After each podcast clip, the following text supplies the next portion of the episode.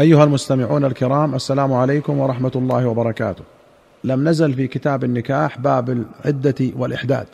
أخرج البخاري عن محمد بن سيرين قال جلست إلى مجلس فيه عظم من الأنصار أي جماعة كثيرة وفيهم عبد الرحمن بن أبي ليلى وكان أصحابه يعظمونه فذكرت حديث عبد الله بن عتبة بن مسعود في شأن سبيعة بنت الحارث فقال عبد الرحمن لكن عمه كان لا يقول ذلك فقلت إني لجريء إن كذبت على رجل في جانب الكوفة يعني عبد الله بن عتبة ورفع صوته. قال ثم خرجت. فلقيت مالك بن عامر فقلت كيف كان يقول عبد الله بن مسعود في المتوفى عنها زوجها وهي حامل؟ فقال قال ابن مسعود أتجعلون عليها التغليظ ولا تجعلون لها الرخصة؟ لنزلت سورة النساء القصرى بعد الطولى وأولاة الأحمال أجلهن أن يضعن حملهن. وأخرج مسلم عن فاطمة بنت قيس رضي الله عنها أنه طلقها زوجها ثلاثا. قالت فخاصمته إلى رسول الله صلى الله عليه وسلم في السكنى والنفقة فلم يجعل لي سكنى ولا نفقة. وأمرني أن أعتد في بيت ابن أم مكتوم. وفي رواية أمرها أن تنتقل إلى أم شريك ثم أرسل إليها أن أم شريك يأتيها المهاجرون الأولون. فانطلقي إلى بيت ابن عمك عمرو بن أم مكتوم الأعمى فإنك إذا وضعت خمارك لم يرك فانطلقت إليه. فلما مضت عدتها أنكحها رسول الله صلى الله عليه وسلم أسامة بن زيد. وفي أخرى أن زوجها طلقها ثلاثا فلم يجعل لها رسول الله صلى الله عليه وسلم سكنى ولا نفقة. قالت قال لي النبي صلى الله عليه وسلم إذا حللت فآذنيني. فآذنته. فخطبها معاوية وأبو جهم وأسامة بن زيد.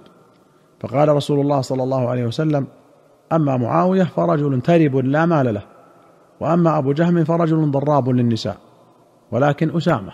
فقالت بيدها هكذا أسامة أسامة. فقال لها رسول الله صلى الله عليه وسلم طاعة الله وطاعة رسوله خير لك. قالت فتزوجته فاغتبطت وأخرج مسلم عن أبي سعيد الخدري رضي الله عنه أن رسول الله صلى الله عليه وسلم يوم حنين بعث جيشا إلى أوطاس فلقوا عدوا فقاتلوهم فظاهروا عليهم وأصابوا لهم سبايا. فكأن ناسا من أصحاب رسول الله صلى الله عليه وسلم تحرجوا من غشيانهن من أجل أزواجهن من المشركين. فأنزل الله عز وجل في ذلك والمحصنات من النساء إلا ما ملكت أيمانكم. أي فهن لكم حلال إذا انقضت عدتهن. معنى قوله تحرجوا أي خافوا الحرج وهو الإثم.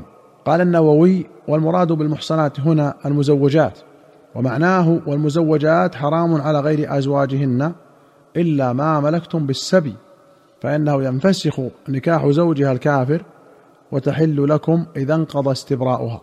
والمراد بقوله إذا انقضت عدتهن أي استبراؤهن وهي بوضع الحمل عن الحامل وبحيضة من الحائل كما جاءت به الأحاديث الصحيحة. قال واعلم أن مذهب الشافعي ومن قال بقوله من العلماء أن المسبية من الكفار الذين لا كتاب لهم لا يحل وطئها بملك اليمين حتى تسلم.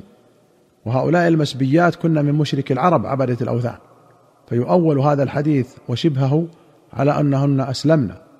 وأخرج مسلم عن أبي الدرداء رضي الله عنه أن رسول الله صلى الله عليه وسلم نظر في بعض أسفاره إلى امرأة مجح بباب فسطاط فسأل عنها فقالوا هذه أمة لفلان.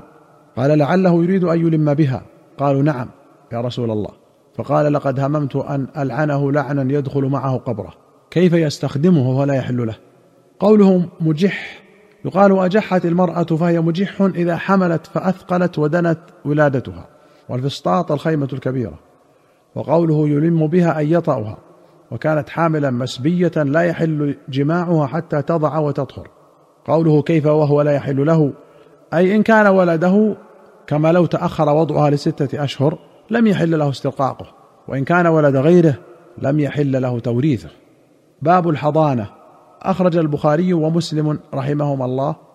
عن البراء بن عازب رضي الله عنهما قال خرج النبي صلى الله عليه وسلم من مكة بعد عمرة القضاء فتبعته ابنة حمزة تنادي يا عم يا عم. فتناولها علي فأخذ بيدها وقال لفاطمة دونك بنت عمك. فحملتها فاختصم فيها علي وزيد وجعفر. قال علي أنا أخذتها وهي بنت عمي. وقال جعفر بنت عمي وخالتها تحتي. وقال زيد بنت أخي. فقضى بها النبي صلى الله عليه وسلم لخالتها. وقال الخالة بمنزلة الأم. وقال لعلي أنت مني وأنا منك. وقال لجعفر أشبهت خلقي وخلقي وقال لزيد أنت أخونا ومولانا. وأخرج الشافعي وأحمد وابن ماجة وأبو داود والنسائي والحاكم والبيهقي في الشعب بسند صحيح عن أبي هريرة رضي الله عنه قال جاءت امرأة إلى النبي صلى الله عليه وسلم قد طلقها زوجها فأرادت أن تأخذ ولدها. فقال رسول الله صلى الله عليه وسلم استهما فيه. وفي رواية استهما عليه فقال الرجل من يحول بيني وبين ابني؟ فقال رسول الله صلى الله عليه وسلم للابن اختر أيهما شئت. فاختار أمه فذهبت به. وفي رواية قال هذا أبوك وهذه أمك. فخذ بيد أيهما شئت. فأخذ بيد أمه فانطلقت به. قال الخطابي هذا في الغلام الذي قد عقل واستغنى عن الحضانة. وإذا كان كذلك خير بين والديه. وفي الحديث أن القرعة طريق شرعي يرجع إليه عند تساوي الأمرين. باب تحريم نكاح المتعة والشغار. أخرج البخاري ومسلم عن عبد الله بن مسعود قال كنا نغزو مع رسول الله صلى الله عليه وسلم ليس معنا نساء فقلنا ألا نختصي؟ فنهانا عن ذلك. ثم رخص لنا أن نستمتع. فكان أحدنا ينكح المرأة بالثوب إلى أجل. ثم قرأ عبد الله يا أيها الذين آمنوا لا تحرموا طيبات ما أحل الله لكم ولا تعتدوا إن الله لا يحب المعتدين. وأخرج البخاري ومسلم عن سلمة بن الأكوع وجابر بن عبد الله رضي الله عنهما قال كنا في جيش فأتانا رسول رسول الله صلى الله عليه وسلم فقال إنه قد أذن لكم أن تستمتعوا يعني متعة النساء. وفي رواية أن رسول الله صلى الله عليه وسلم أتانا فأذن لنا في المتعة. قال أبو عبد الله البخاري وبينه علي عن النبي صلى الله عليه وسلم أنه منسوخ. وأخرج مسلم عن سلمة بن الأكوع. قال رخص لنا رسول الله صلى الله عليه وسلم عام أوطاس في المتعة ثلاثا ثم نهى عنها. يوم أوطاس ويوم فتح مكة شيء واحد. وأوطاس واد بالطائف. وأخرج مسلم عن سبرة بن معبد الجهني. قال أذن لنا رسول الله صلى الله عليه وسلم بالمتعة فانطلقت أنا ورجل إلى امرأة من بني عامر كأنها بكرة عيطاء فعرضنا عليها أنفسنا فقالت ما تعطي؟